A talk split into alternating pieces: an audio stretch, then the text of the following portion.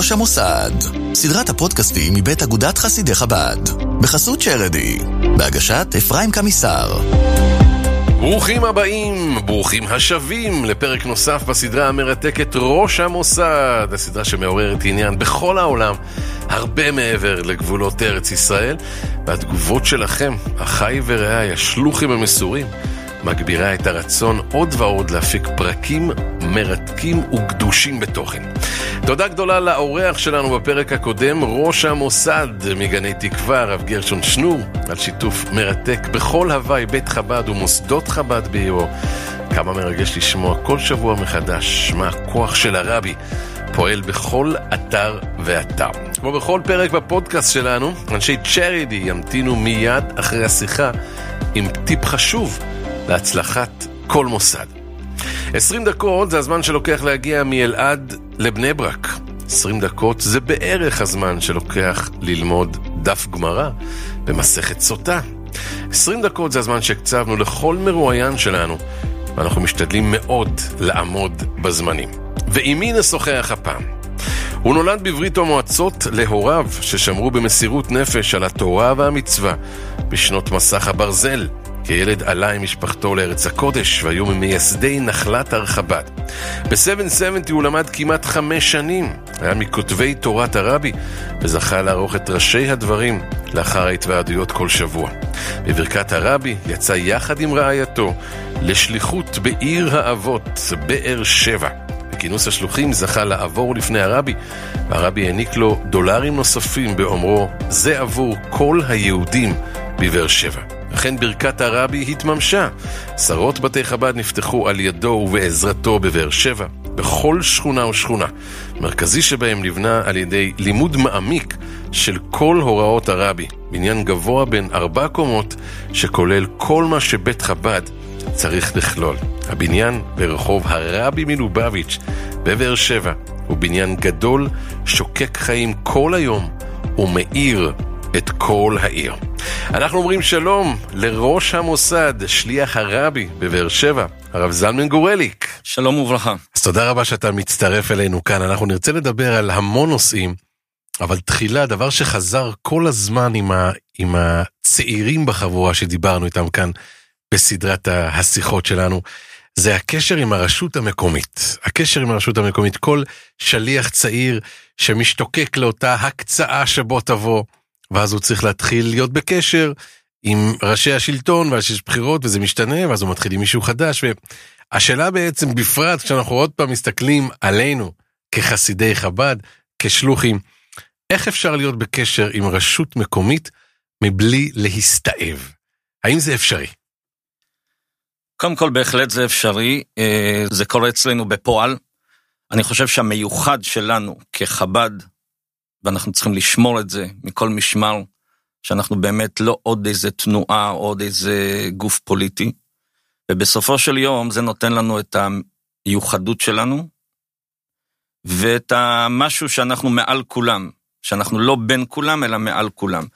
אני חושב שגם רשות מקומית, אה, כשיש, אה, הרי בכל רשות, גם מפלגות דתיות, יש לא אחת, אז כבר ביניהם הם, אה, אז אתה חייב לתפוס צד פה, פה, פה, פה. חייב לתפוס צד? לא, אז אנחנו מסודרים עם כולם.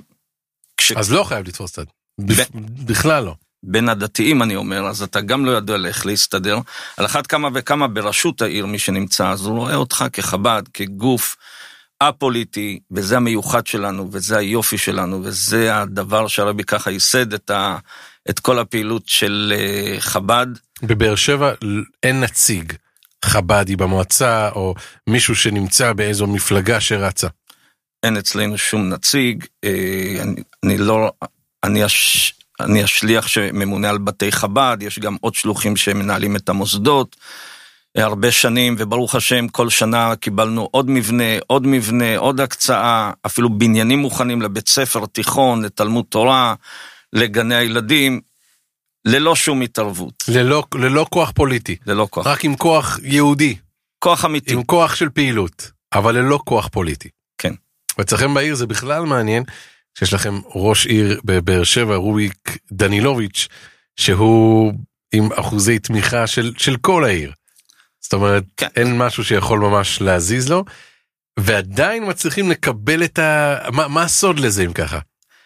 אני חושב שהרשות רואה את הפעילות של אה, חב"ד בעיר כגוף שבאמת אכפת לו מכל תושבי העיר. לא רק גוף שדואג לאיזושהי קהילה או לאיזושהי קבוצה של תומכים, של חברי מפלגה או קהילה, באמת אה, נותנת מענה רחב ופתוח לכל יהודי בעיר בכל תחום. אה, ממילא זה יוצר גם אהדה ציבורית, יש הרבה הורים, יש הרבה קהילות של בתי חב"ד, מקורבים וכולי.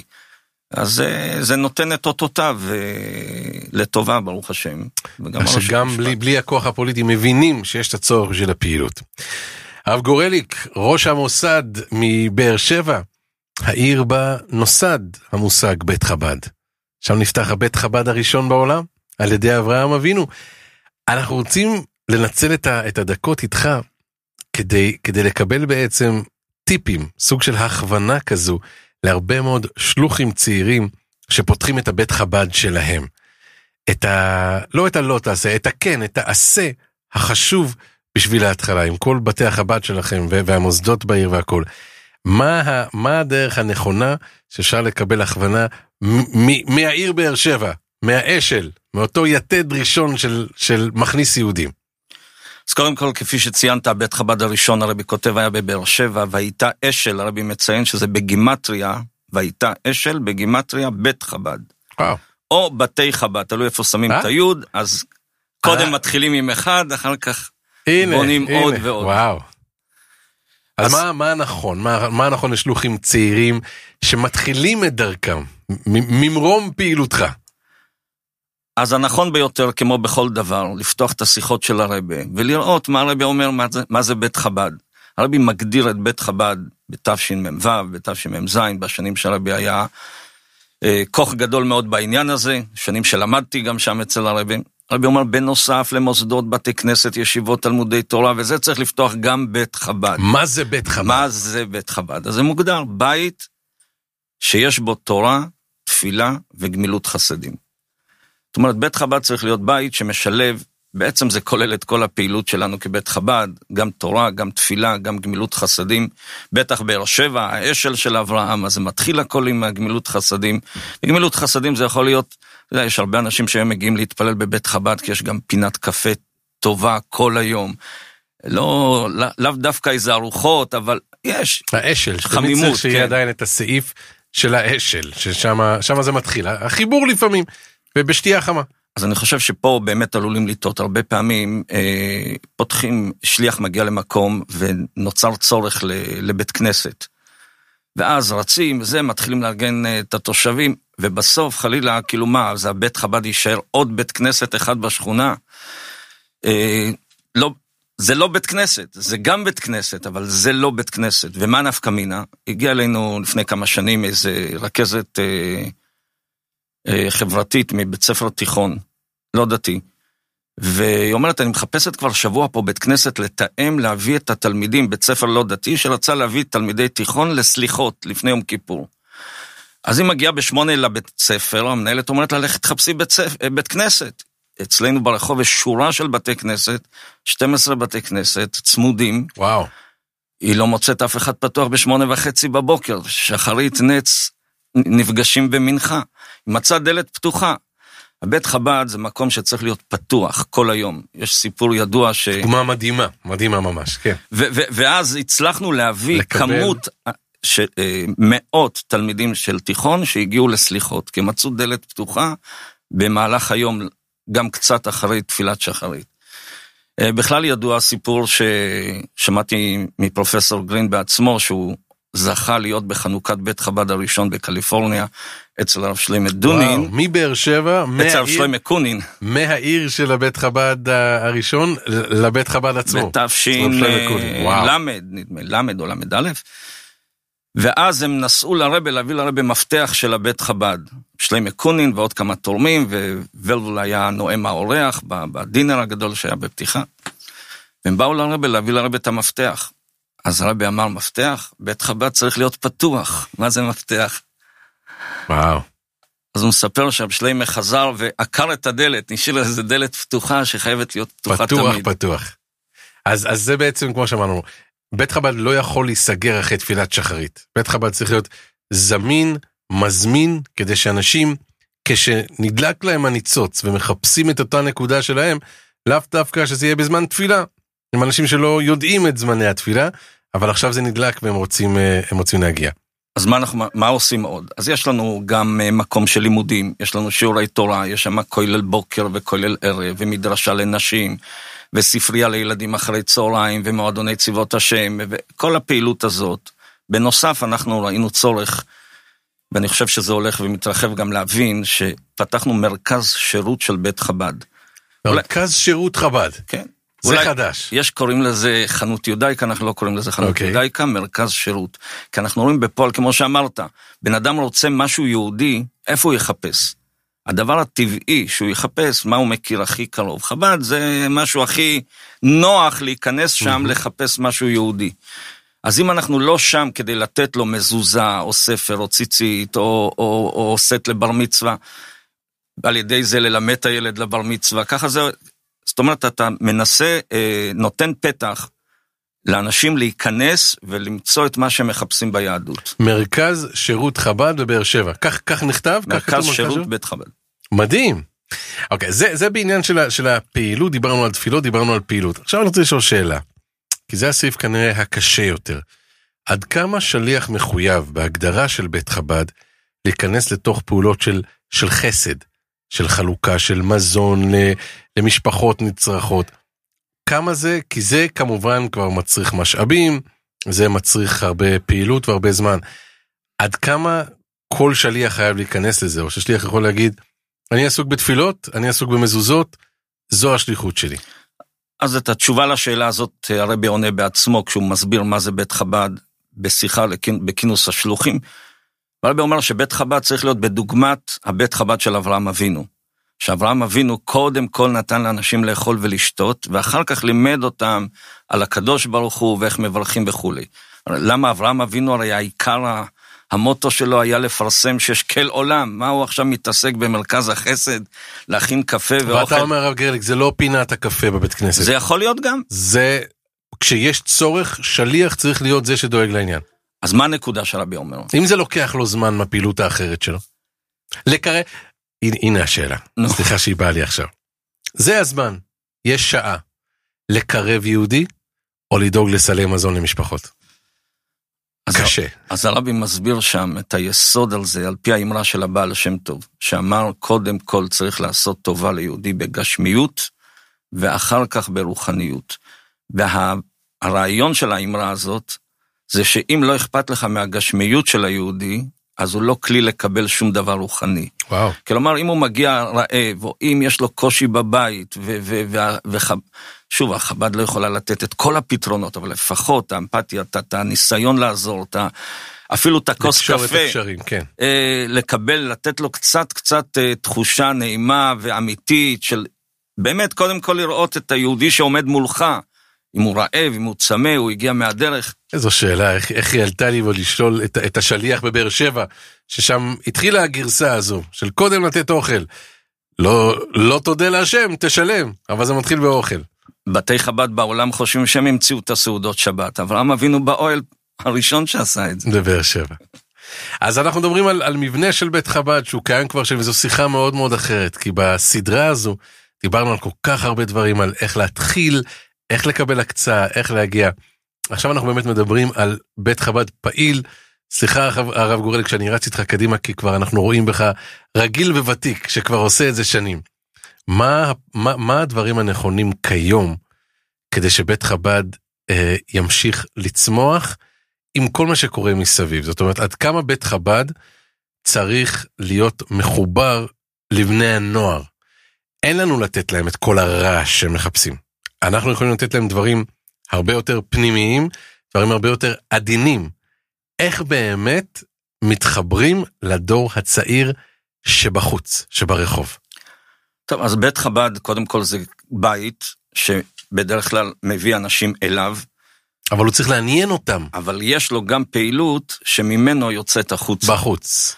כי אי אפשר בכל מצב להביא את כל הפעילות לתוך הבית, אלא זה בית שממנו אורה יוצאת לכל הסביבה גם כן. אז בהחלט יש פעילויות מסוימות שכן מביאים בני נוער לכל מיני מסיבות, שיעורים ודברים שיש לנו שליח שפועל אה, עם בני הנוער. וכמובן הוא גם יוצא אליהם במקומות ובזמנים שצריך. אבל הבית קודם כל נותן יציבות, נותן קביעות. והרבי אומר שברגע שאתה שם בית, אתה מגלה פתאום אנשים שלא חלמת שאפשר לפנות אליהם ולהזמין אותם, והם מגיעים. למרות שהמהלך המחשבה הראשוני, אתה בא למקום, תתחיל לדפוק בדלתות, תתחיל להכיר אנשים, תגיע אליהם, ביקורי בית, ככה אולי תצליח להשפיע עליהם באופן פנימי יותר, ככה רבי בעצמו מסביר, אבל יש דרך אחרת, כשאתה מעמיד בית, מתקבצים אליו כל החפצים באור. הוא קורא, הוא מזמין כבר. ומתחילים להגיע גם כאלה שלא חשבת ולא חלמת לפנות אליהם, שהם בכלל מסוגלים או בכלל הם שייכים להיכנס לבית הזה. ואנחנו רואים את זה בפועל אצלנו, היינו הרבה שנים באיזה מקלט, כי זה מה שהיה, ועברנו לא שכונה אחרת ולא אזור אחר, ממש רחוב אחד משם איפה שהיינו, אבל ברגע שהבניין קם, נהיה תל תלפיות, מאות אנשים שמגיעים, עניינים, שיעורים, הכל פעיל, מאות אנשים, מאות, מאות, מאות אנשים שעוברים כל יום, ואני אומר לעצמי, איפה הם היו כל האנשים האלה קודם? כאילו לא... אבל זה, זה, זה הברכה של הבית. הבית יוצר ונותן מקום לפעילות של חב"ד, נותן לזה קביעות, נותן לזה רצינות, נותן לזה... כן, משהו קבוע, זה לא פעילות אה, יוצאים פה, יוצאים שם, אלא יש את הכל בתוך הבניין. הבניין כבר צר מאכיל, צריך, צריך, צריך להרחיב, לא יודע עוד איפה. בעזרת השם. אז מי, מי, מי המיקוד הגדול של בית חב"ד היום? אפשר להגיד בית חב"ד בבאר שבע. על מי, אני לא אומר המיקוד, כי הפעילות היא עם כולם. על מי תוציאו היום הכי הרבה משאבים כדי, כדי, כדי לקרב אותם, כדי להביא אותם? זה בני נוער, כמו שאולי שאלתי, זה, זה אנשים מבוגרים, זה, זה ילדים קטנים, לעשות דווקא את הגנים. כשיש את החלוקה הזו, למי יותר למקד את העניין כדי להשיג אש צורבת חזקה יותר? ברוך השם אצלנו יש כמה קומות בבית, יש כמה קומות בבניין של בית חב"ד, אז תלוי כל קומה, ל... כל, כל, כל קומה, קומה מכוונת. בקומת הכניסה יש את מרכז השירות, שהוא באמת נותן מענה לציבור הרחב. ציבור רחב ענק שמגיע בכל שאלה, בכל נושא, והוא פתוח 13 שעות ביום ברצף, מדהים. וכל המענה הטלפוני של בית חב"ד מגיע לשם. אני אתן לך דוגמה, נכנס יהודי רוצה להניח תפילין. נכנס לחנות הזאת, למרכז השירות, רוצה תפילין. יש שם עמדת תפילין. אז אומרים לו, אתה יכול לעלות קומה אחת למעלה לבית כנסת. קח שם, יש תפילין, טלית, הכל, לא, לא, לא, אני רוצה להניח פה. אני פה, אני עדיין לא שם. הוא לא עולה, הוא לא עולה בבניין לקומה אחת למעלה, הוא מניח למטה. שם הוא מניח תפילין. וככה הוא גם מתחבר לשאר הדברים ש... שנמצאים שם בפנים. טוב, אז החידוש הזה של מרכז שירות חב"ד זה בהחלט דבר שאני שומע עליו לראשונה, וזה מגיע מה... מעיר היסוד של, של בית חב"ד, מבאר שבע, ואולי ככה נראה את זה בעוד אה, ערים נוספות, יוצא ופורץ החוצה. אבל גורל, כמה שלוחים פעילים כיום בבאר שבע? היום יש, אה, ברוך השם, 25 שלוחים שפעילים בבאר שבע, בכל השכונות, לכל המגזרים. אה, בנוסף, יש את מוסדות החינוך, שיש להם שלוחים נוספים שמנהלים אותם, את גני הילדים, את מעונות, בית ספר לבנות, תלמוד תורה לבנים, תיכון לבנות, ישיבה קטנה. אה, כל אחד ממונה על שלו. אני בתחום של הבתי חב"ד יותר, לא במוסדות, אבל כמובן עובדים כולם ביחד, בשיתוף. אה, זה הסוד הגדול, הסוד הגדול להצלחה בכל פעילות השליחות. האחדות הזו, האחדות של כולם יחד.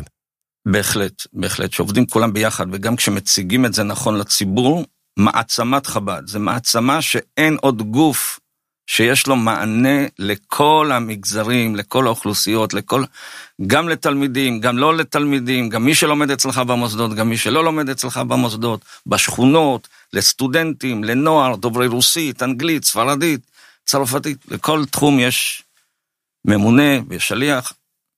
הרב גורליק, ראש המוסד מבאר שבע, זו הייתה שיחה כל כך, כל כך נעימה וחכמה של איש מקצוע. אם קראת לזה מרכז שירות, אני יכול לקרוא לך איש מקצוע שיודע בהדרכה כחסיד איך עושים את זה, איך מבצעים את, ה, את השליחות של הרבי. מהשיחות, מכל השיחות שקיימנו כאן, יש לי את ההרגשה שראש העיר הוא זה שמנסה למצוא אצלך מקום, ולא אתה אצל ראש העיר. ככה הרגשתי בשיחה הזו.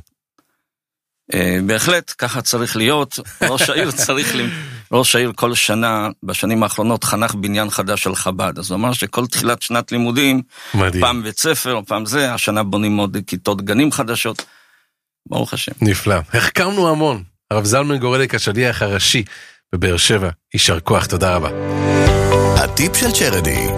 טיפ הזהב של צ'ריטי, גם בפרק הזה איתנו חנן הקסטר מצ'ריטי. כולנו מרגישים את ההבדל בין דברים שתכננו מראש לבין דברים שביצענו ברגע האחרון. התכנון מראש מאפשר לנו להציב יעדים גבוהים יותר ולנצל את הפעולות שנבצע להשגת מטרות רבות יותר. מי שישב בתחילת השנה ויבנה תוכנית עבודה שנתית לאירועים ולפעילויות לאורך השנה, יגיע לתוצאות מרשימות ויפתיע גם את עצמו. התוצאה ניכרת לעין ותשמח גם את הידידים והתומכים שלכם שישמחו להגדיל את התמיכה לארגון מסודר שמניב הצלחות. וכמו שאמרו חכמינו, מי שטרח בערב שבת, יאכל בשבת. תודה רבה לחנן אקסטר מצ'ריטי 360. עד כאן הפודקאסט הזה בסדרת ראש המוסד. תודה רבה שהייתם איתנו. תודה רבה לאברהם ישחקוב ואורי כהן. אנחנו נשתמע בפודקאסט הבא.